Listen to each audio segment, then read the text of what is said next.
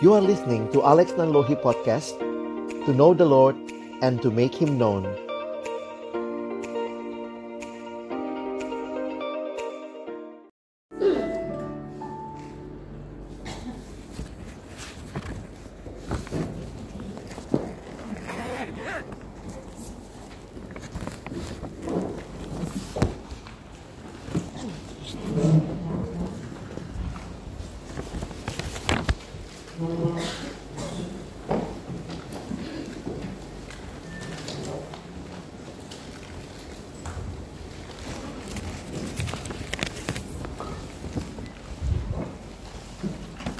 Can we pray? Mari kita berdoa.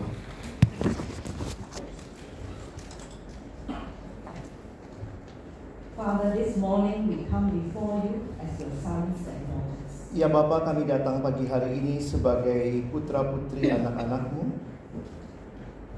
Remind us again this morning that you are our Father. Ingatkan kami kembali pagi ini bahwa engkaulah Bapa kami That is what we take pleasure in. dan di dalamnya engkau bersuka cita ya Tuhan. Open our eyes and open our hearts to you, Bukalah mata kami dan hati kami kepadamu that we may hear your words of love, your words of uh, peace. sehingga kami boleh mendengar firman kasih karuniamu, firman kedamaian. Come, stir us with your Holy Spirit Mari ya Roh Kudus bekerjalah dalam kami and help us, Lord, that we may indeed bow before you and know that you are the King of Kings. dan kami boleh sungguh-sungguh bersujud di hadapanmu mengakui mengagungkan engkau raja di atas segala raja In Jesus' most precious name, dalam nama Kristus yang indah itu kami berdoa Amen. amin Good morning. selamat pagi Yesterday, when I saw all of you, my heart was really um, very, very warm and encouraged. kemarin waktu saya melihat saudara semua hati saya sangat eh, dikuatkan I saw the way that you were laughing, saya lihat cara saudara tertawa kemarin and I think that as senior staff, we need to laugh a lot. dan saya pikir sebagai staff senior kita perlu banyak tertawa Because I think when we are alone, many of us cry a lot. karena saya pikir waktu saudara sendirian di ladang banyak dari kita yang menangis In our staff team, whenever we come together Di dalam tim staff kami, setiap kali kami berkumpul, and we do crazy things, kami biasanya melakukan hal-hal yang gila. it's the senior staff who have the most fun. Dan orang yang staff senior itu yang biasanya sangat senang. The junior staff or the younger staff are very stressed. staff juniornya stres. So I pray that these few days that we have together, the Lord will meet with us. Sehingga saya berdoa agar beberapa hari kita bersama Tuhan boleh men- berkenan menjumpai kita. I think that senior staff don't need to hear a lot of preaching Dan saya pikir staff senior tidak butuh dengar banyak khotbah because many times you can preach and you preach more often than I do. dan mungkin saudara adalah orang-orang yang sudah sering berkhotbah bahkan berkhotbah lebih banyak dari Miss Kim Cheng. But I like to give us time to engage with the word, Tapi saya ingin memberi waktu saudara untuk bergumul dengan firman both personally and as a group. baik sebagai pribadi maupun nanti di dalam kelompok-kelompok. And somehow, wherever we are, that God Himself will speak to us through His word. Dan biarlah melaluinya Tuhan berbicara kepada kita melalui kebenaran firman-Nya. Make the best use of this retreat. Coba gunakan sebaik-baiknya waktu retret ini. I'm told that this is the first time Saya dengar ini eh, yang pertama kali ya untuk usia segini ya. you come and you know exactly what you need. Dan saudara datang, saudara tahu apa yang persis saudara butuhkan. When it's time to sleep, they sleep. Jadi kalau waktunya tidur ya tidurlah. When it's time to play, play with all Kalau your heart. main-mainlah dengan segenap hati. There's a time for us to enjoy Bali, Ada waktu juga kan nanti kita jalan-jalan menikmati Bali. but what is most important Tapi apa yang paling penting? is time that you set for your own self to be with the Lord. adalah waktu yang saudara khususkan untuk saudara berjumpa dengan Tuhan secara pribadi. Because above everything else, it is in the quietness of you and God alone that He will speak in your heart. Karena di atas segalanya, waktu-waktu berdiam secara pribadi dengan Tuhan, dia akan berbicara kepada kita dalam ketenangan. that we are really able to hear God answers. Sehingga kita boleh mendengar apa yang Tuhan mau kita dengar. You have served 13 years to 22 years. Saudara sudah melayani 13-22 tahun. And uh, before I came, I tried to ask myself, staff who have served this long, what are you feeling? Saya bertanya dalam perjalanan ke sini, kira-kira kalau saya jadi staf usia pelayanan segitu, apa yang saya rasakan? I am encouraged yesterday because there are so many of you who have stayed so long. Saya sangat dikuatkan karena banyak dari saudara yang bertahan begitu lama dalam pelayanan ini. In many movements, the turn of staff is very fast. Di dalam pelayanan yang lain, itu eh, pergantian stafnya itu tinggi sekali.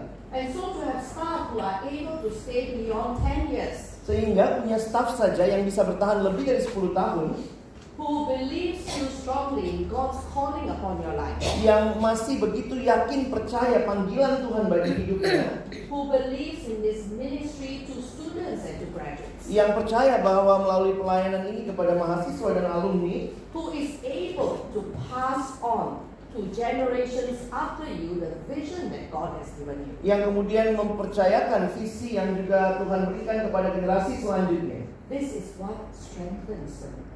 Itulah yang sebenarnya menguatkan pelayanan kita.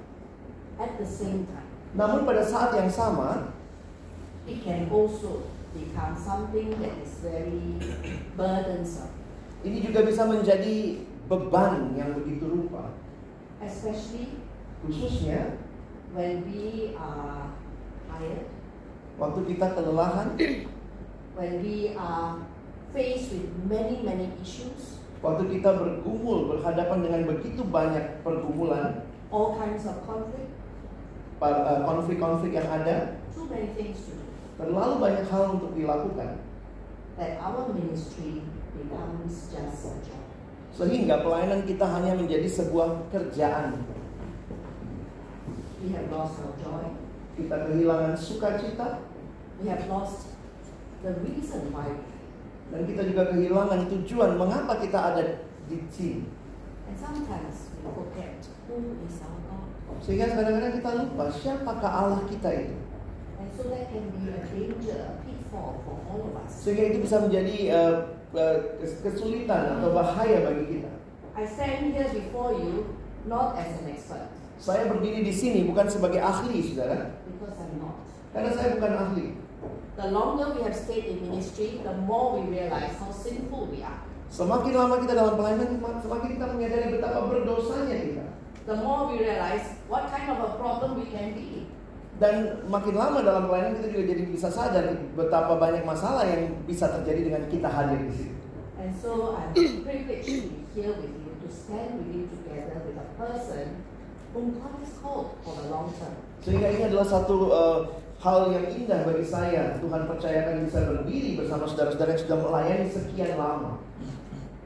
That when God calls us to serve Him with our life, Sehingga ketika Tuhan memanggil kita melayani Dia dengan hidup kita, He who has led us so clearly, Dia yang sudah memimpin kita dengan begitu jelas, He will show us as well each step of the way. dan Dia pun juga akan menuntun kita langkah demi langkah ke depan. And when it's time for us to leave, He shows us as well. Dan bahkan kalau kita harus keluar pergi dari pelayanan ini, Tuhan pun akan menunjukkan la- jalannya. We leave because it is His time. Kita keluar atau kita pergi karena itulah waktunya Tuhan. We don't leave just because we have so many problems. Jadi jangan keluar hanya karena banyak masalah. The ministry is not meant to damage us or to damage people. Karena pelayanan itu tidak diperuntukkan untuk meng- meng- menyakiti orang ataupun menyakiti kita.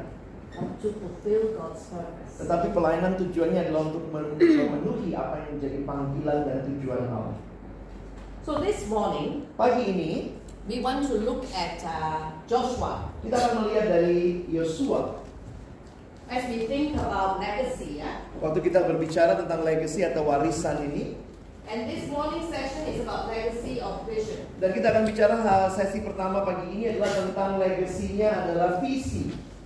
You have in your file six pieces of paper at the back. huh? Ada enam lembar fotokopian di map saudara.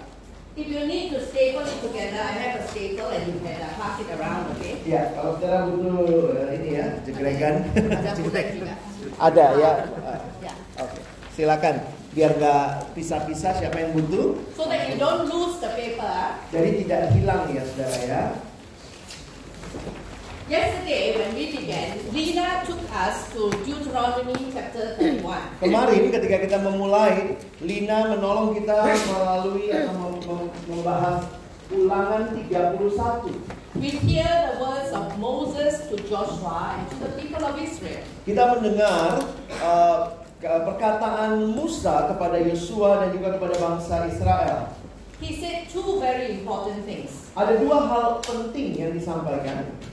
The first one, he told them, I am no longer able to lead you. Yang pertama, Musa berkata, "Saya tidak dapat lagi memimpin kalian." It is a very sobering and sad statement, right? Ini satu eh, pernyataan yang sangat menyedihkan tentunya. At the end of his life, in Deuteronomy 34, we are told that he still remained strong. Dan bahkan waktu kita membaca di akhir hidupnya di ulangan 34 katanya Musa masih kuat. Humanly speaking, he can still go on. Jadi secara manusiawi harusnya Musa bisa terus melayani. But in God's plan, Tetapi di dalam rencananya Allah, Moses' time is up. waktunya Musa sudah selesai. And he says, I am no longer able to lead you. Sehingga Musa berkata, saya tidak bisa lagi terus memimpinmu. Then to Joshua he says, Dan kepada Yosua dia mengatakan, Be strong and courageous, kuatkanlah dan teguhkanlah, for you must go with these people into the land. karena engkaulah yang akan berjalan bersama orang-orang ini masuk ke tanah Kanaan. So that was yesterday. Moses was speaking. Itu yang kemarin ya, di mana Musa yang berbicara. This morning, let's turn to Joshua chapter 1. Pagi ini dalam Yosua pasal 1 kita lihat sama-sama.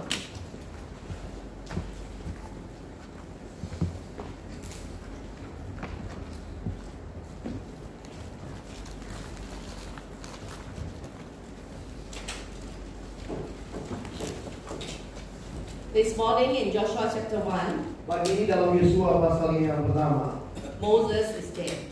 Musa telah mati.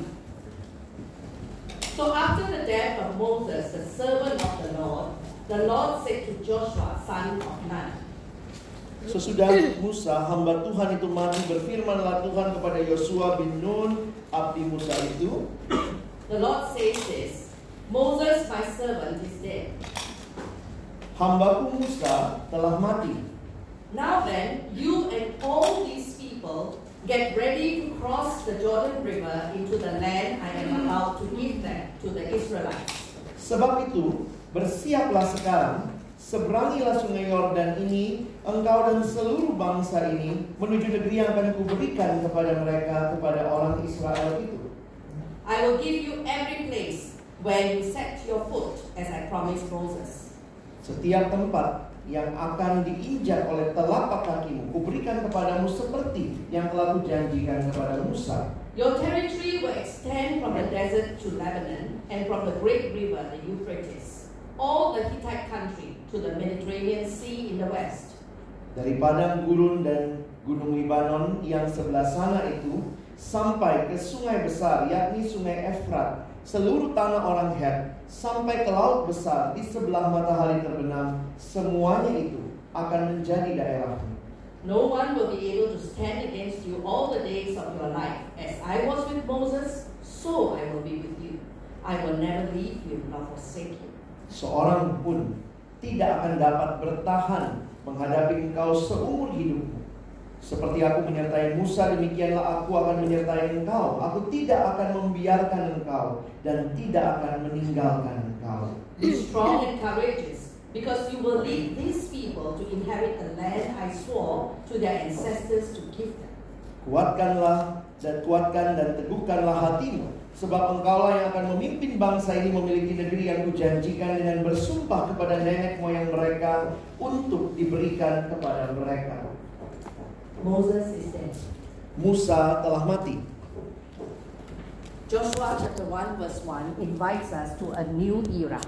Yosua pasal 1 ayat yang pertama memasuki sebuah era yang baru. And you know, Joshua has got a very strong and clear sense that this is where God wants him to go. Dan kita melihat bagaimana Yosua sangat yakin, meyakini dengan jelas bahwa inilah yang Tuhan mau dia lakukan. It's very clear. Yesterday and today, he is to lead the people to cross the Jordan to into the land that the Lord had promised them. Sangat jelas baik kemarin maupun hari ini bahwa Yosua lah yang akan memimpin bangsa Israel masuk ke tanah tanah Kanaan menyeberangi Sungai Yordan. When? When to go? Kapan? Kapan akan berangkat? Now is the time. Sekaranglah waktunya. So if you are talking about vision, ah, Sehingga kalau saudara bicara tentang visi, the ability to know what needs to be done in order to achieve what the Lord's purpose is. sehingga itu adalah sesuatu eh, apa yang harus dilakukan demi mencapai tujuan yang Allah kehendaki. What is it that we need in order to get there? Apa yang kita butuhkan untuk mencapai hal itu? And what is my role in this? Dan apakah peran saya di dalam bagian ini? You can say that Joshua is very clear. Sehingga saudara bisa melihat Yosua itu sangat jelas dalam hal-hal tadi. He is their leader for the next phase. Dia adalah pemimpin mereka untuk tahap berikutnya. Israel, as God's people, cannot remain where they are. Sebagaimana umat Allah tidak bisa tinggal di di tempat sebagaimana mereka adanya, God's purpose is that they need to enter, conquer, inherit the land. Karena tujuan Allah bagi Israel adalah mereka untuk menaklukkan, menduduki tanah Kanaan. And Joshua is God's man. Dan Yosua adalah uh, orang yang Allah pilih.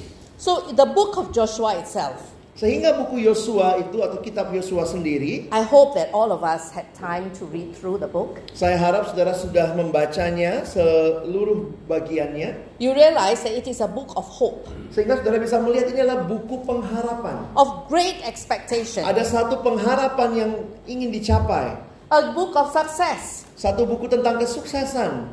If you read Numbers, for example, it's a book of many failures. Kalau saudara misalnya membaca kitab bilangan, itu kitab yang banyak sekali kegagalan di dalamnya. But you read the book of Joshua and it is about success. Dan kalau baca kitab Yosua ini tentang kesuksesan, Because keberhasilan. God's people were finally able to claim his promise. Karena umat Allah masuk dalam satu keyakinan atau bisa me- mengklaim janji Allah.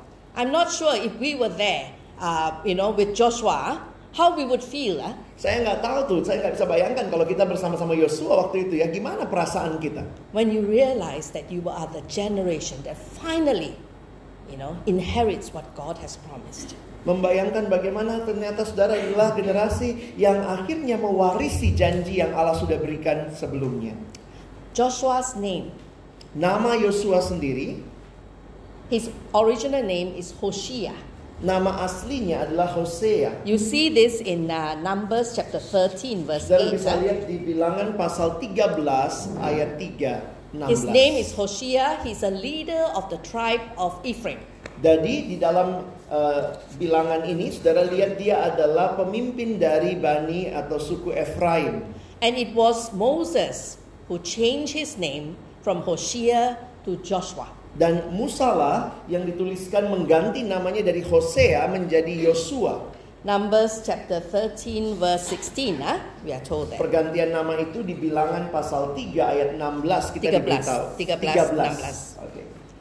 And the meaning of Hoshea is salvation. Dan arti daripada Hos- Yos- eh, Hosea adalah keselamatan But Joshua means the Lord saves. Tetapi Yosua berarti Allah menyelamatkan. The other meaning, the Lord who gives victory. Dan arti yang lain, Allah yang memberikan kemenangan. So when you look at him, right, and his calling to lead God's people to inherit the promised land, and his name, which means the Lord gives victory, Dan kalau saudara lihat apa yang Yosua lakukan dengan memimpin umat Israel masuk ke tanah Kanaan dan arti namanya adalah Tuhan memberi kemenangan. we see how his name is, a prof- is prophetic. Jadi kita bisa melihat bahwa namanya itu adalah sesuatu yang profetik sifatnya. It reminds him in his mission ah, to, in, to claim God's land that God is the one who will give him the victory. Sehingga ini mengingatkan Yosua bahwa dia akan menaklukkan tanah Kanaan yang Tuhan janjikan di mana Tuhan sendiri yang akan memberi kemenangan. I'm going to stop talking now Saya akan berhenti bicara sekarang saudara so that you can do some work. sehingga saudara bisa kerja nanti ya. Because as he leads God's people, there is before him a great task. Karena dia sebelum memimpin umat Allah yang eh, dengan tugasnya yang besar itu It is that there are so many uh, uh, obstacles uh, in front of him ada begitu banyak tantangan yang akan dihadapi Yosua di hadapannya. before they can finally say that we have succeeded. Sebelum mereka pada akhirnya berkata kami berhasil. And that's one thing about vision. Dan itu adalah salah satu hal tentang visi. You are aware, completely aware of all the oppositions be- before you. Orang yang punya visi itu sangat tahu apa tantangan-tantangan yang ada di hadapannya. But you are able to see beyond the opposition to find hope. Tetapi engkau bisa melihat melampaui tantangan itu ada harapan. This is part of vision. eh? Inilah bagian juga dari sebuah visi. So we will spend time looking at this aspect for Joshua. Jadi kita akan melihat aspek ini dalam hidup Yosua. The other one is we want to also see, as we look back at Joshua's life, Dan bagian lain yang akan kita pelajari, kita akan coba lihat dalam hidup Yosua what is it that went into shaping this vision in his life? bagaimana pembentukan visi ini dalam hidupnya. How did he become s- clearer and clearer? What is it that God wants him to do? Bagaimana Yosua ini kemudian makin jelas makin jelas apa yang dia yakini Tuhan mau dia lakukan. You will realize that from Egypt right up till where they are in uh, Joshua chapter 1, uh, the plains of Moab. Jadi saudara akan melihat ini dari mereka keluar dari Mesir sampai sebelum mereka masuk tanah kanan yaitu di dataran Moab. It's a period of 40 years. Itu adalah sebuah tahapan 40 tahun. Kalau kamu kata ah, beyond 22 is super senior, ah, Kalau di kita kan 22 tahun ke atas super senior gitu ya. Joshua after 40 years is super duper senior. ah. Jadi Joshua itu super duper senior ya. 40 years, yeah. 40 tahun loh. Shaping God's vision in his life. Itu pembentukan visi Allah dalam hidupnya. So we will look at these two aspects. Kita akan lihat dua aspek ini. Okay, now you have eight groups here, yeah. Ada delapan kelompok saudara. Each group is going to do part of the work and then we will share together. Setiap kelompok akan melakukan satu bagian. Nanti kita akan share. Who among you like to look at opposition? Siapa di antara saudara yang suka lihat tantangan? Yang mana? Kelompok mana? Oh, that group, opposition, opposition. Eh, opposition. Siapa lagi? One Ada more lagi. group. Ada satu grup lagi untuk tantangan. Suka Opposition. lihat. Oh, you you want? Okay. So these three groups ah, you will look at opposition. Tiga kelompok ini akan lihat tantangan. So in your in your uh, paper, it's uh, point two, right? Di dalam eh, kertas ini itu nomor dua Romawinya itu. But you won't look at all three chapters. Each group will look at one. Tetapi setiap kelompok akan lihat satu hal aja ya. Okay, this group you take Deuteronomy 31, ah. Saudara yang di sini lihat ulangan 31. Yang, and paling then this atas. uh, this group here you take Joshua chapter one, yang sini lihat Yosua pasal 1, and you take Joshua chapter three. ini Yosua pasal 3. Okay, now you read through that chapter as a group, and then you discuss the three questions that are there.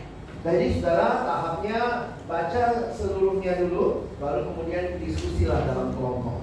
Okay, now the rest of us, Sisanya we will explore what is it that shaped Joshua's vision. kita akan belajar hal-hal yang membentuk eh, visinya Yosua. You see the map before you. Saudara lihat peta ini To get this map is not easy, yeah? untuk dapat eh, peta ini nggak gampang saudara. because I'm not so good with computer and drawing with computer. Karena ibu Kim saya nggak gam- nggak pandai meng- menggambar dengan komputer. So many tahap just to get this map. Jadi banyak tahap nih untuk bisa dapat map ini ya. You know, generasi baru, they don't appreciate this kind of maps. huh? Anak sekarang nggak. Now, with Google Maps ah, and with Waze ah, in Malaysia, Waze, my younger colleagues don't know how to get to a place if their phones die on them. Okay? Karena Google Map dan Waze anak-anak muda di Malaysia sekarang nggak tahu tuh gimana cara ke tempat itu kalau nggak kalau mati Google-nya. But I love maths. Tapi Ibu Kim Cheng suka map ya. So when I tried to get that, uh, I tried to actually, as I read about Joshua's life, right, to get his uh, life uh, line, life journey. Jadi waktu saya mempelajari hidupnya Yosua, saya belajar melihat perjalanannya dalam eh, eh, perjalanannya gitu ya, perjalanan hidupnya. But because his life is so long and so many things, ah, huh, Tapi karena hidupnya itu begitu panjang dan juga begitu banyak hal yang terjadi, I have not been able to get a straight line yet. saya belum bisa membuat sebuah garis yang lurus. I have come up with this map Karena itu saya dengan eh, peta ini, that shows the different phases of his life. saya melihat tahapan-tahapan yang berbeda dalam hidupnya Yosua. right? Beginning with Egypt, and then the Exodus, and then at Mount Sinai, and then at Kadesh Barnea. Kadesh Barnea, they almost, huh, almost enter the land, right? And then after that, 38 years of wandering before they end up at the plains of Moab. Jadi kalau saudara lihat itu mulai dari mereka di Mesir, Yosua dengan bangsa Israel di Mesir, lalu kemudian pergi dalam pembuangan atau uh, keluar keluar dari situ, lalu kemudian uh, ke Kadesh Barnea, itu udah dekat sebenarnya masuk ke atas, tapi kemudian 38 tahun mereka berputar-putar di padang gurun sampai akhirnya nomor 6 berhenti di dataran Moab. So each group will take one stage. Jadi grup yang lain akan coba perhatikan satu tahapan. You take Egypt, Ini Mesirnya ya nomor satu. you take the Exodus, Ini uh, keluaran di hari nomor 2 you take Mount Sinai, Yang ini uh, Gunung Sinai yang ketiga ya the group at the back, you take Kadesh Barnea. Yang keempat Kadesh Barnea yang And belakang then this group, you take the wanderings and the plains of Moab. Jadi grup yang terakhir dua hal ya Wanderingnya sama Plain of Moab I didn't give you a specific scripture lesson uh, passage because I think that you are familiar with the journey. Saya tidak memberikan buat kelompok-kelompok ini pasal atau bagian Alkitab khusus Karena saya yakin saudara sudah biasa melihat hidupnya Yosua So you try to imagine uh, Joshua and what he is going through at that time, some of his significant experiences. Jadi saudara coba lihat, bayangkan apa yang Yosua rasakan alami Dengan pengalaman-pengalaman yang signifikan If there are many, just narrow down to two or three. Kalau ada banyak hal yang saudara temukan, tol- tolong simpulkan aja jadi dua atau tiga hal. And then what is it that he discovered about God during that, that, that period? Dan saudara tanyakan apa yang dia temukan tentang Allah di dalam periode itu. And how did this uh, experience or this period shape his vision in a good way or in a bad way? Dan bagaimana pengalaman ini membentuk visi Yosua baik dalam hal yang baik maupun hal yang kurang baik. You okay? Saudara oke? So I give you 20 minutes 20 menit ya waktunya. group discussion. Huh? Silakan setelah itu masuk eh, diskusi kelompok.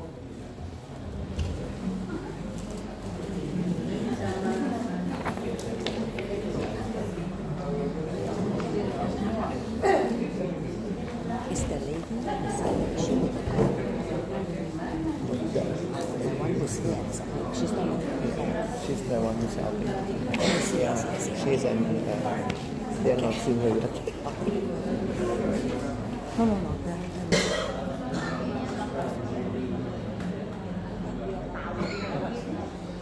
Okay, can we wrap up our discussion? Baik, kita akan menyimpulkan.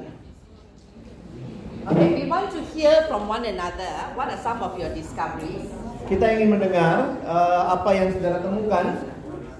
And so we will begin with uh, the oppositions before him. huh? Kita akan mulai dari yang ini ya, oppositionnya dulu, tantangannya, Challenges and difficulties. ya hal-hal yang sulit yang dialami. sudah, sudah, sudah. No more discussion. Stop, stop, Terlalu stop. terlalu banyak. huh? Okay, we will begin with this side. And so let's all hear because they, they did what we didn't do. Teman-teman, khususnya sebelah sini, coba dengar ya, stop diskusinya. Kita dengar apa yang kelompok ini lak- eh, lakukan, karena ini yang tidak kalian lakukan. So this is from Deuteronomy 31, Joshua 1 and Joshua 3. Ini dari ulangan 31, Yosua 1, dan juga Yosua 3. Tell us what is it that you discover? What are some challenges or difficulties ahead of Joshua and the people? Huh? Just maybe give us one or two first. Okay? Silakan boleh sampaikan satu atau dua hal dulu. Siapa yang represent his group? Siapa yang mewakili sini? Try to be brief, one or two challenges. Harap dengan ringkas satu atau dua tantangan saja. Tantangan yang pertama dari sisi bangsa Israel sendiri, kalau dalam ulangan dibilang aku sendiri mengenal kedegilan dan eh, ketegaran tentang dari bangsa ini, dari orang-orang yang dia pimpin. Yang kedua dari job desk yang harus dilakukan Yosua. Selama ini dia hanya menjadi pengembara bersama dengan bangsa itu. Sekarang dia harus masuk menaklukkan. Itu artinya tidak ada cara lain selain perang atau militer. Thank you. Okay, so number one, ah, the people are a rebellious people. Yang pertama, orang-orang Israel adalah orang-orang yang memberontak. Deuteronomy 31, God has already told them these people, after they go in, are going to rebel. Dan di dalam ya, ulangan 31 dikatakan bahwa orang-orang ini ketika mereka sudah masuk tanah itu, Tuhan sudah bilang mereka akan melawan Tuhan. What are you going to do if you know the people, the students, and the graduates you serve are going to rebel? Gimana kalau saudara tahu bahwa mahasiswa atau alumni yang kita layani akan melawan kita? What kind of spirit, what kind of encouragement for you to continue serving? Apakah ini sebuah penguatan untuk terus melanjutkan pelayanan? So one is the people that you will lead, they are rebellious. Jadi yang pertama tantangannya adalah orang-orang yang dia pimpin itu orang pemberontak. Number two, no other way except war. ah. Dan yang kedua tadi tidak ada cara lain selain perang. Joshua 1, what are some challenges? Sekarang Yosua 1 ya. geografi Eh, geografi sungai mereka harus menghadapi sungai besar Geography ya, ada sungai besar di depan mereka. ah. Okay, then what else? tanah kanan itu sudah diisi bangsa Eh. lain Sibang Salai, what does it mean? It's, it's already filled with Sudah other ada nations, yang- there's another nation. Oh, there are other people there. So you're going to take over their place. ah. Jadi So this sudah is ada the orang yang second challenge. du- sudah tinggal di sana berarti harus menaklukkan mereka, mengambil alih. Thank you. Makasih. Joshua 3. Yosua 3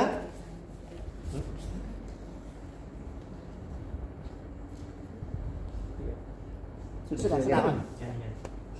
Nah, sama sebenarnya dengan eh, apa, kelompok sebelah sini.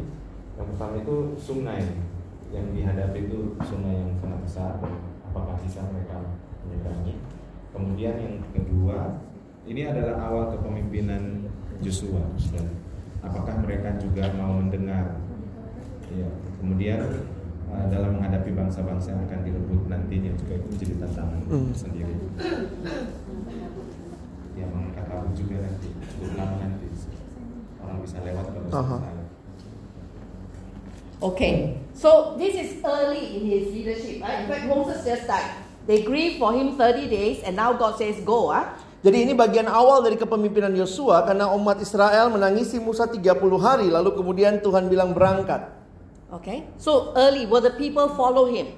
Jadi ini awal sekali di mana orang-orang mengikuti dia and then the journey To cross is going to be very long. Ah. dan perjalanan menyeberangi itu juga akan butuh waktu yang lama. I have one more uh, challenge before Joshua. Ada satu hal lagi yang saya mau tambahkan, He is succeeding a very great leader. dia menggantikan seorang pemimpin besar.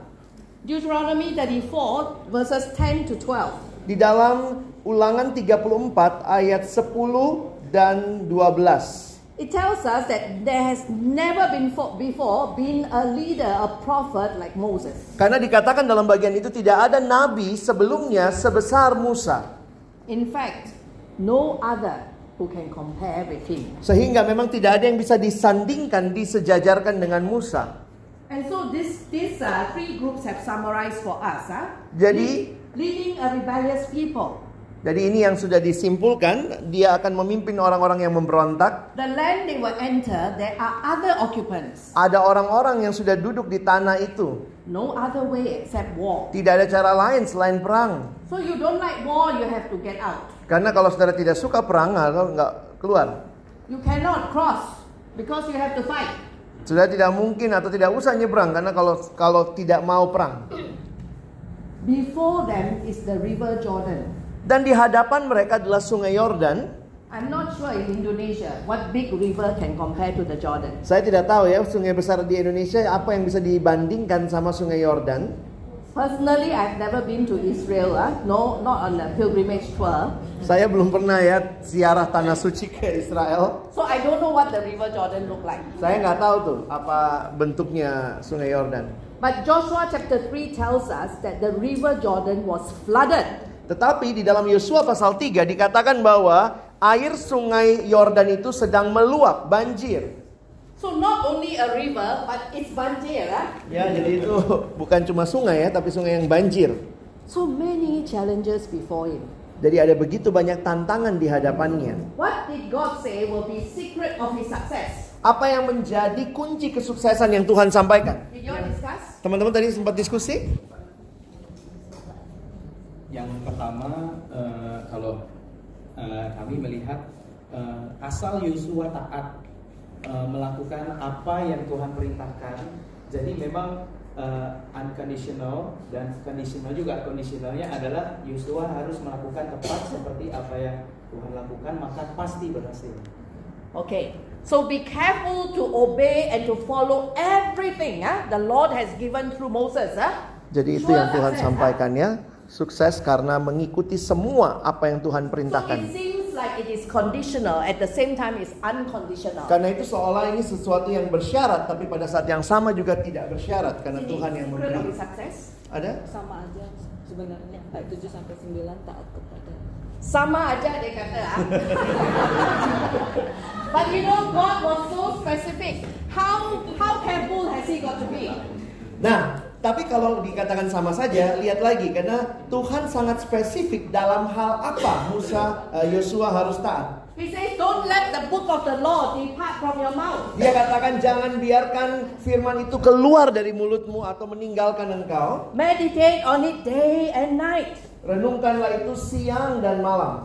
Follow it. Don't turn to the right or to the left. Ikuti itu jangan menyimpang ke kanan dan ke kiri. Tell it to your children. Kasih tahu ke anak-anakmu, Then you will be successful. maka engkau akan berhasil. Jadi lebih spesifik sebenarnya ya. Okay, Joshua 3. Yosua 3. Ya, taat kepada perintah Tuhan, lalu menguduskan diri dan bangsanya yang kelima tadi. Lalu dalam mengangkat tabut, mereka harus tetap stay di situ mengangkat terus sampai eh, Seluruh umat itu umat lah. di sana. Ya. Satu lagi mungkin jadi ya, seperti tadi dia ada di dalam dia ada di dalam bayang-bayang pemimpin yang besar kedua ini kepemimpinan pertama jadi saya pikir dia berhasil keluar dari semua ketakutan itu dan belajar fokus kepada Tuhan itu yang mungkin akan kuat. ketiga. Yes. Yes, point tiga. Betul. Oke. So be careful to obey. Be careful to obey. Be careful to follow. Ah. Perhatikan, dikatakan hati-hatilah mengi- mengikuti eh, me- eh, me- menjalaninya. This is emphasized in 30, Deuteronomy 31, in Joshua chapter 1, in Joshua chapter 3. Dan tiga hal ini eh, ditegaskan baik di Yosua ya, bagian-bagian yang tadi dibaca. If God keeps repeating the same thing, it's not because God is old and naggy. Dan kalau Tuhan terus-menerus mengulangi hal yang sama bukan karena Tuhan itu sudah tua dan kemudian kayak kakek-kakek yang suka nuntut. But it is so that they will remember. It is so important. Tetapi karena itu sangat penting untuk mereka ingat. But if you keep repeating yourself, Tapi kalau saudara terus-terus ngulangi ke dirimu, what do the younger staff say of you? apa yang eh, staf muda kalau kamu terus ngomong hal yang sama, apa yang staf muda katakan tentang kau?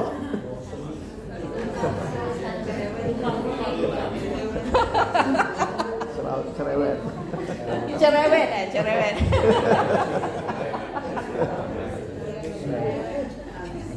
So if you have many things to say to young staff ah, and they tell you you are cerewet, you pray to God that God will be cerewet to them. Jadi kalau saudara misalnya mau menyampaikan hal yang sama berulang-ulang kepada staf baru yang muda, kalau saudara nggak sanggup doa aja supaya Tuhan yang ulang-ulang ke mereka. Okay? You say one time, you say two times, stop. Jadi cukup dua kali ngomong diemlah staf ya. There is a philosophy of life. People need to learn from their mistakes. Dan ada filosofi juga bahwa orang belajar dari kesalahan. Then they will thank you one day. maka satu waktu nanti dia akan berterima kasih pada saudara. So be careful to obey. Be careful to obey. Ya perhatikanlah untuk terus taat. But you know what is the one big secret of his success? Having been careful to obey, Tapi apa yang menjadi kunci kesuksesan Yosua ketika dia telah taat itu? what we see in these three chapters is that it is the Lord Himself who will go with them and who will go ahead of them, who will cross the Jordan with them.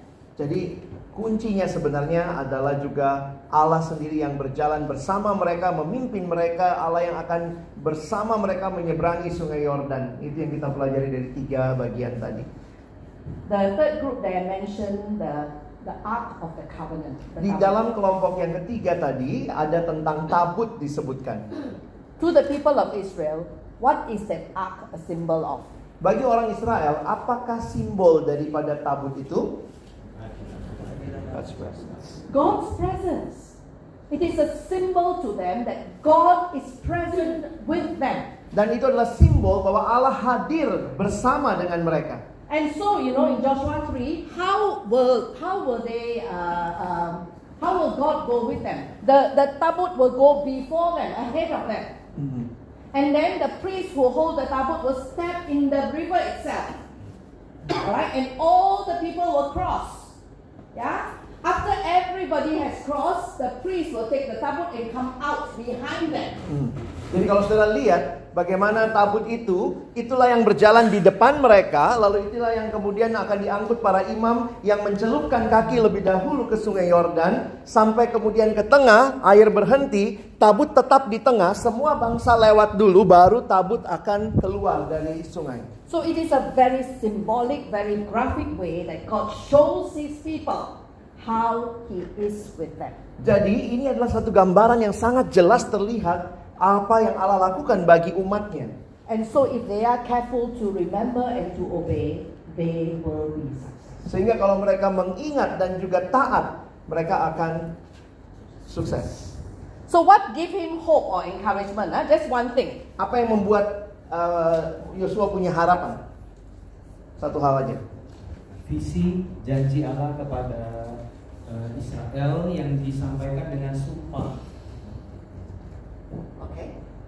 So the vision and then the, the promise, huh? the covenant, huh? okay?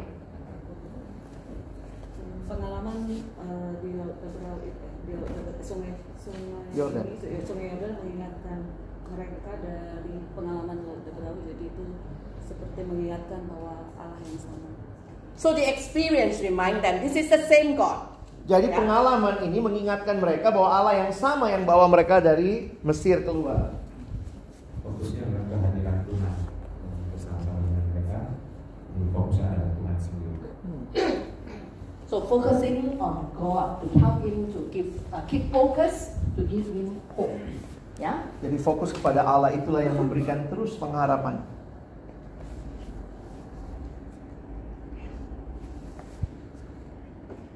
Uh, Lin.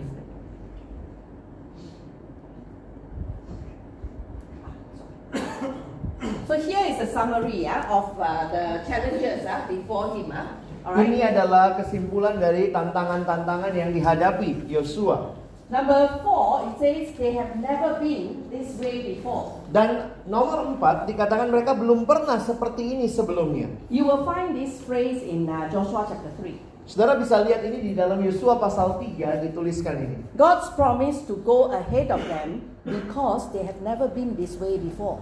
Allah berjanji akan berjalan di depan mereka karena mereka belum pernah mengalami hal ini sebelumnya. In our ministry, yeah, we will find many challenges, many experiences that we have never gone through before. Dan di dalam pelayanan kita pun kita menghadapi banyak hal yang kita belum pernah hadapi sebelumnya. I can tell you, you face this new generation of students yang dipanggil sekarang what Generation Z ya. Iya, jadi termasuk kita mengalami per- perjumpaan dengan mahasiswa kita yang generasi Z itu. Have you have you faced them before? Sudah pernah alami sebelumnya? It's a new generation. Ini generasi yang baru. Your younger staff in your staff team, Coba lihat staf paling muda di tim saudara. They are a different generation from us. Mereka beda sekali dari kita. You think they are aliens? Mereka kayak makhluk asing. You have never been this way before. Saudara belum pernah seperti ini sebelumnya. Sometimes, as senior staff, we are tempted to think that we have gone through it all, we know everything. Kadang-kadang godaan jadi staf senior merasa kita sudah pernah hadapi semua hal. The Chinese have a saying we have eaten more salt than you have eaten rice. Apa- Orang apalagi orang Tionghoa, kita ini sudah banyak makan asam garam, garam daripada kalian makan nasi. Kami lebih banyak makan garam daripada nasi yang kalian makan. So we think we know everything. Jadi kadang-kadang kita merasa kita sudah pernah tahu semuanya. But you know, there are many, many ways now we have never been before. Tapi saudara perhatikan ada begitu banyak hal saat ini yang kita belum pernah hadapi sebelumnya. But God promised to go with them, to go before them, and to come behind them. Tetapi Tuhan berjanji akan berjalan di depan mereka, berjalan bersama mereka, bahkan di belakang mereka. Okay, now we want to look at what is it that shaped his vision, right? Kita akan through his melihat ya experience. apa yang membentuk visinya Yosua. So what I like the groups to do is you tell us what do you think that Joshua discovered about God? Jadi yeah, saya at that minta stage. apa yang Yosua temukan tentang Allah di dalam tahapan yang saudara tadi diskusikan. Okay, so this group is going to talk about Joshua in Egypt, huh? Ya, ini grup tentang Yosua di Mesir. Apa yang Yosua temukan tentang Allah? Give us two things that Joshua discovered about God. Kira tolong sebutkan dua hal yang tu- Yosua temukan tentang Allah. Two, who is going to speak? Siapa? Lenny. Lemon. eh, yang ya Musa Mu- eh, Yosua mungkin lahir sejak ketika eh, Musa sudah lari dari eh, Mesir. Jadi eh, Yos- Yosua mungkin mendengar cerita tentang Musa bagaimana Musa eh, menolong seorang Ibrani yang membunuh orang Mesir itu. Nah ketika eh, Musa kembali dan Yosua melihat Musa itu pasti dia sangat eh, senang dan mengidolakan Musa dan dia merasa bahwa memang benar-benar Tuhan memperhatikan walaupun akhirnya melihat bahwa penderitaan makin berat dan makin bingung bagi dia tetapi Mus- eh, Yosua juga melihat bagaimana Tuhan memberikan tulang menghukum orang Mesir dan akhirnya dia semakin mengenal bahwa benar Allahnya itu adalah Allah yang besar dan kuat So God who hears their cries and their groanings, and God who comes to them is concerned for them, yeah? And a God who is so great and powerful. Yeah? In fact, I put it down as God who relentlessly fights for them. Jadi saya melihat apa yang dijelaskan tadi bahwa ini adalah Allah yang benar-benar memperhatikan teriakan umatnya, benar-benar peduli dan turun tangan. Dan juga saya memberi judul Allah yang tidak tidak habis-habisnya berjuang bagi umatnya. Okay, in the Exodus, Di dalam keluaran itu, dalam perjalanan mereka. Siapa Allah? Yosua eh, belajar mengenal Allah yang memimpin melewati jalan memutar menuju visi. Namun Tuhan hadir memberi perlindungan, memberi pertolongan ketika membelah kaum keberau, menenggelamkan Fir'aun. Tuhan yang berdaulat atas kekuasaan-kekuasaan paling besar di muka bumi. God who is great and mighty above all forces, all powers, huh? God who provides, Dia yeah? Allah yang menyediakan, God who leads them. Huh? Allah yang memimpin mereka. Can you imagine 2 million people how to lead? Huh? Gimana memimpin 2 juta orang And God leads them by a pillar of cloud by day and a pillar of fire by night. Dan Tuhan ini memimpin dengan tiang awan pada waktu siang dan tiang api pada waktu malam. Everybody can see. Sehingga semua orang bisa lihat. Here, in uh, Mount Sinai itself, it's experience of God. Nah ini pengalaman di Gunung Sinai. mungkin Allah yang eh, Allah yang mau hadir untuk umatnya Israel dan juga Allah yang mau agar umatnya sungguh-sungguh mendengarkan dia dan mematuhinya. God who is holy and yet who wants to be in and among his people. Tentunya belajar tentang Allah yang kudus, tetapi Allah yang kudus itu juga mau tinggal di tengah-tengah umatnya. God who made covenant with them, he will be faithful to them, they to be faithful to him. Allah yang mengikat perjanjian dengan umatnya di mana dia akan setia kepada umatnya dan mereka pun harus setia kepadanya. In fact, Exodus chapter 19, God says, You yourself have seen how I have carried you on eagle's wings, Bahkan di brought dalam you to myself. di dalam Keluaran 19 dikatakan engkau telah melihat bagaimana aku seperti uh, me- me- menga- membawa kamu di atas sayap Raja Wali. Bringing you to myself, and out of all the nations, you will be my treasured possession. Membuatmu menjadi milik kepunyaanku dan membuat orang-orang bangsa lain melihat engkau adalah milik kesayanganku. So they really see how God really treasure them, how God really want to be with them.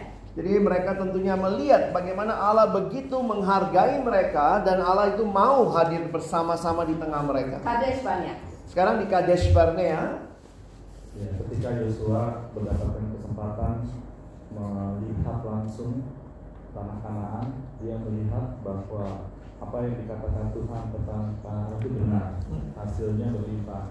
Tetapi ketika di samping itu juga ada tantangan orang-orang yang sangat besar dan ketika semuanya takut, Yosua tetap yakin bahwa Tuhan akan memimpin bangsa Israel untuk masuk ke dalam tanah Kanaan.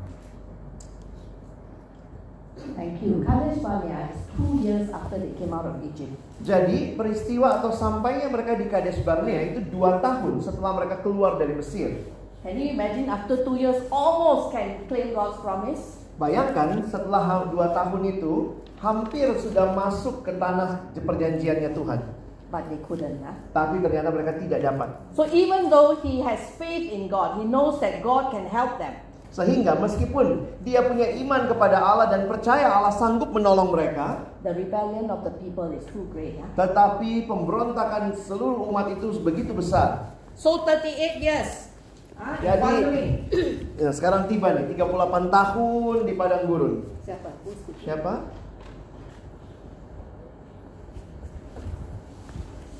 Ya, setelah mendaftar selama 38 tahun itu eh, mereka bisa menemukan bahwa Allah itu adalah Allah yang kudus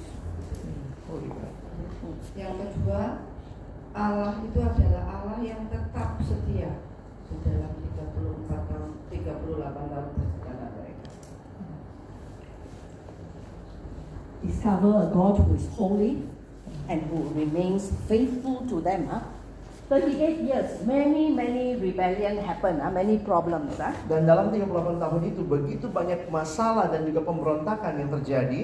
I don't have time to go into greater detail. Saya tidak bisa jelaskan dengan detail saudara. Can I turn the slide in the next map? Yeah.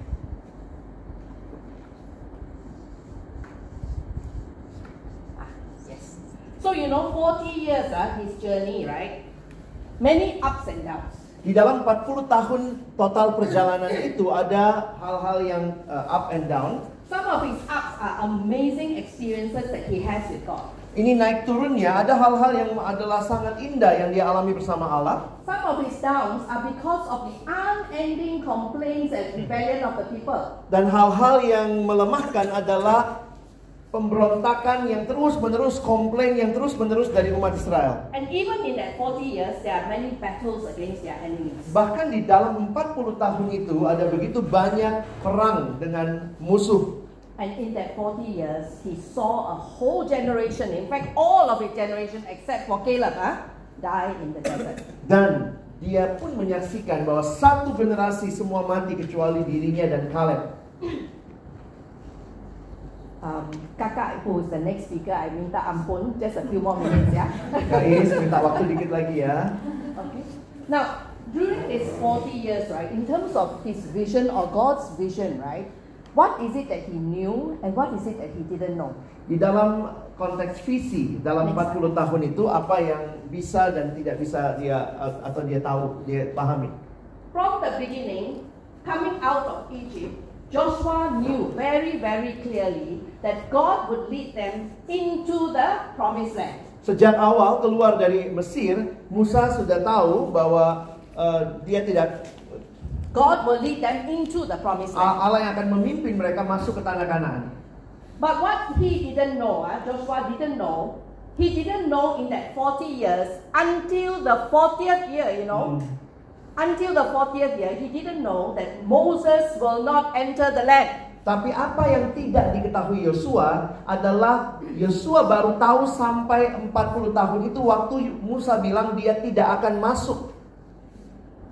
The second thing he didn't know, he was going to be the one to lead them Dan into the yang, land. dan yang dia tidak tahu juga yang kedua bahwa dialah yang akan memimpin umat itu masuk. So in that thir- 40 years in the wilderness, in that wandering, right, how did God's vision in him become so clear? Jadi bayangkan bagaimana dalam waktu itu visi Allah itu makin jelas bagi dia. When we read all the references about God's calling on him, right, it is very clear what God wants him to do. Di dalam setiap bagian Alkitab waktu tentang panggilan Yosua, jelas sekali apa yang Yosua harus lakukan. All this is in the 40th year. Tapi ingat, semua hal itu adalah di tahun ke-40. So in that 39 years, ah, what happened to Joshua? Jadi di dalam 39 tahun, apa yang terjadi pada Yosua? He grew to know God and he grew to understand God's heart. Dia bertumbuh untuk mengenal Allah dan memahami hati Allah. God in his great power and God in his great holiness. Allah di dalam kebesarannya dan juga kekudusannya. The care and the concern and the love of God, as well as God's consuming fire.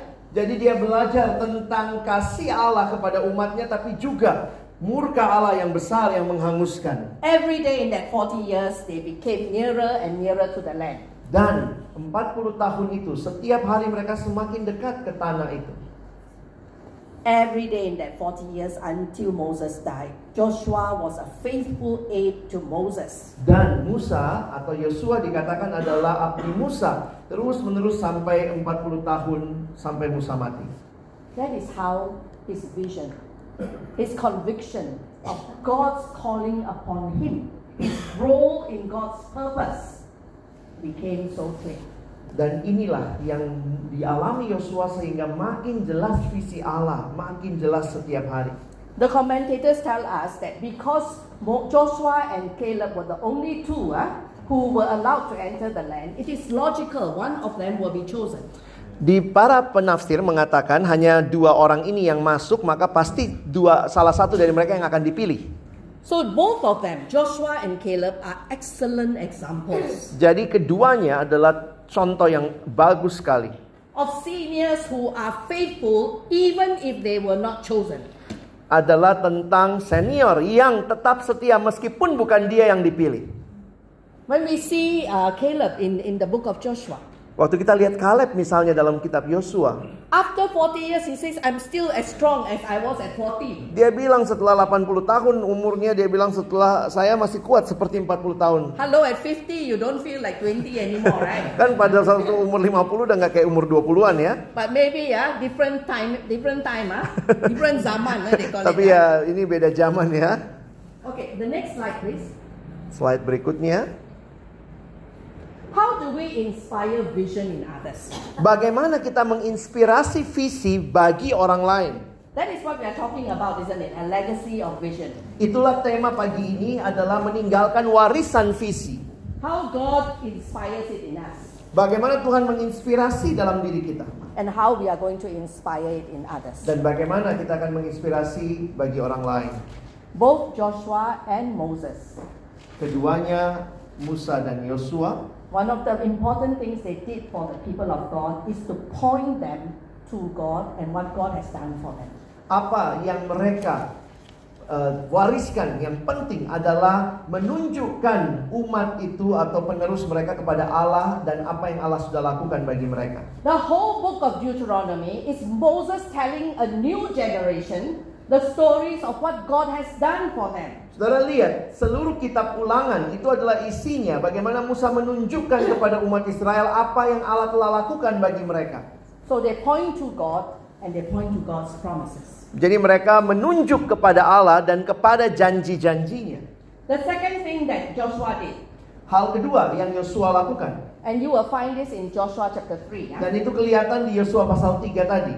how he draws in the people to participate in what God is doing. adalah bagaimana Yosua melibatkan umat ini dengan apa yang Allah lakukan. In Joshua chapter 3, Di dalam Yosua 3, he invites them Yosua mengundang mereka. Consecrate yourselves, for tomorrow the Lord will do amazing things among you. Yosua mengatakan kuduskanlah dirimu karena besok Tuhan akan melakukan perbuatan yang ajaib di hadapanmu. Prepare yourself. Siapkan dirimu. You will be part of this. Kamu akan jadi bagian dari hal ini. Tomorrow the Lord will do amazing things. Karena besok Tuhan akan melakukan hal yang ajaib.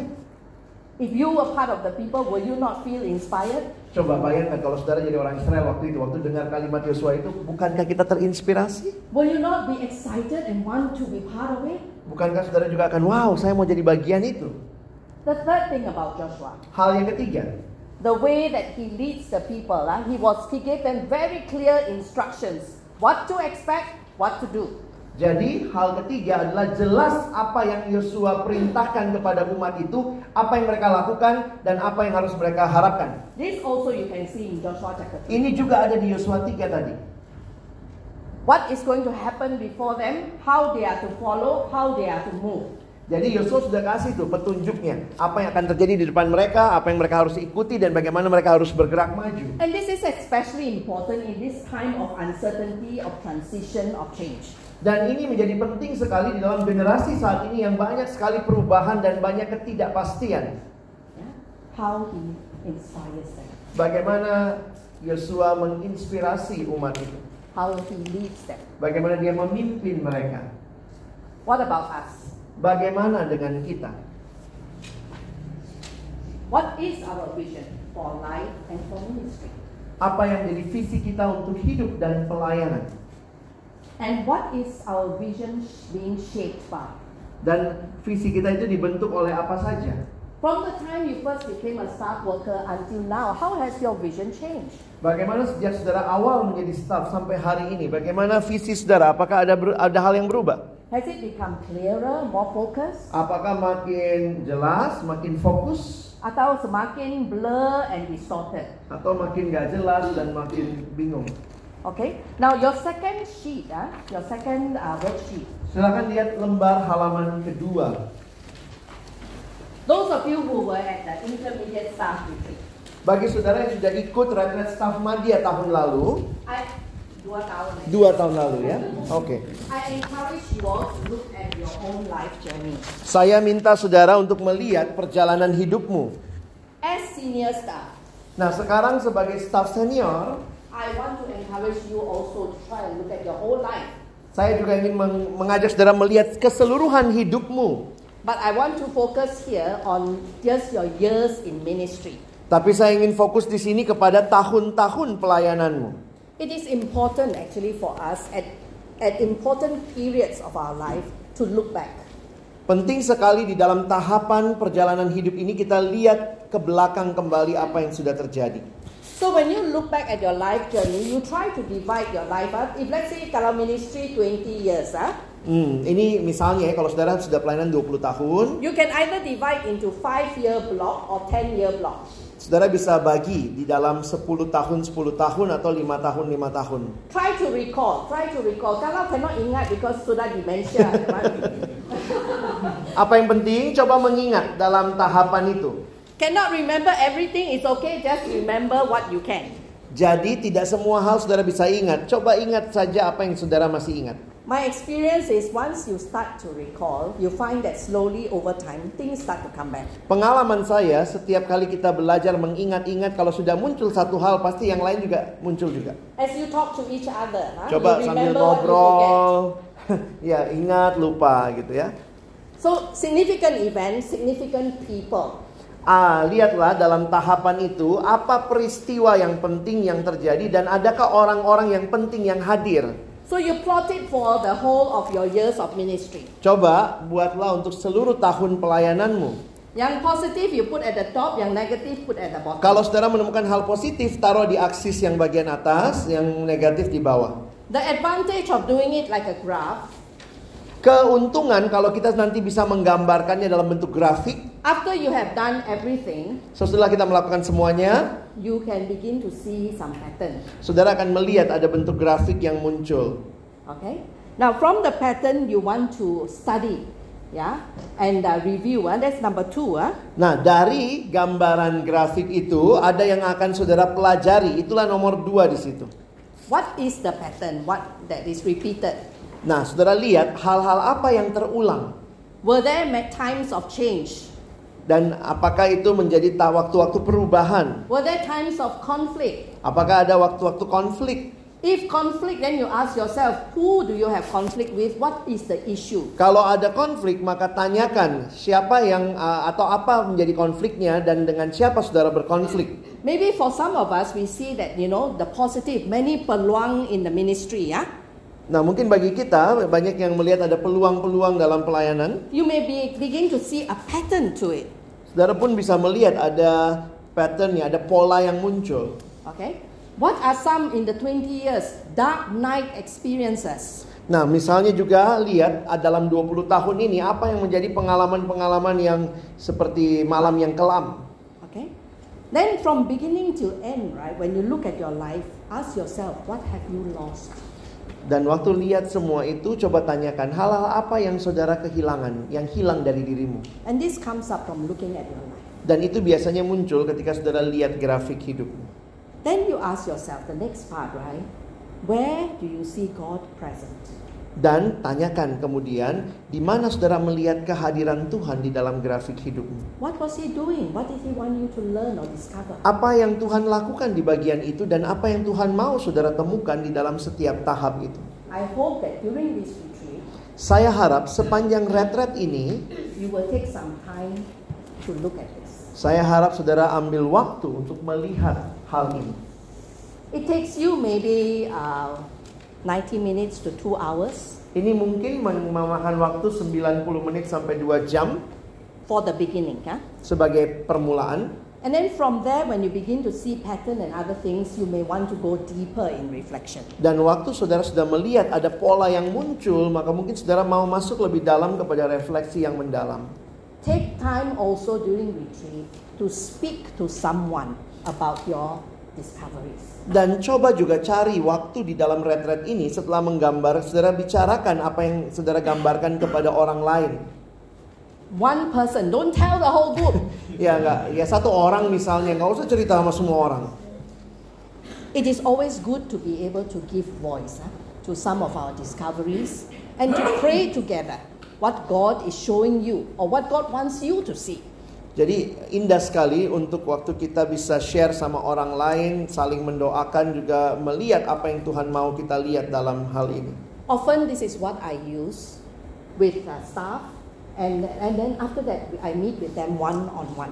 Ini biasanya yang saya minta staff lakukan, lalu sesudah itu saya akan ketemu dengan mereka satu eh, ber- eh, secara pribadi. Or in some of our student camps, Atau di dalam camp-camp mahasiswa kami, when we invite them to look at their life, after that we need to actually talk with them one on one.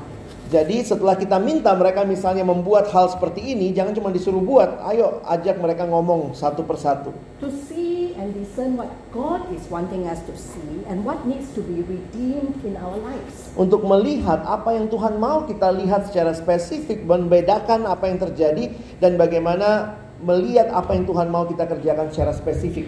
This is a very important truth. Ini adalah alat yang sangat baik dilakukan.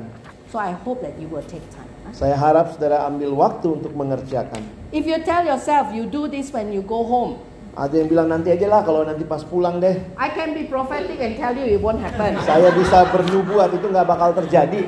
Too busy kan? Terlalu sibuk toh? Yeah, staff to staff, we understand each Kan. other. Ya, sama staff saling nggak paham lah ya. Okay, I want to close and let's close in prayer. Mari kita tutup dalam doa. Father, we thank you for who you are, Ya Tuhan kami bersyukur untuk Engkau. the way that you care for your people, Bagaimana Engkau peduli kepada umatmu. the way that you refuse to give up, Bagaimana Engkau tidak menyerah terhadap kami. the way that you bind yourself in covenant with us. Bagaimana engkau mengikatkan dirimu dalam perjanjian dengan kami umatmu. the way you encourage us to be strong and to be courageous. Bagaimana engkau menguatkan kami dan meneguhkan kami senantiasa.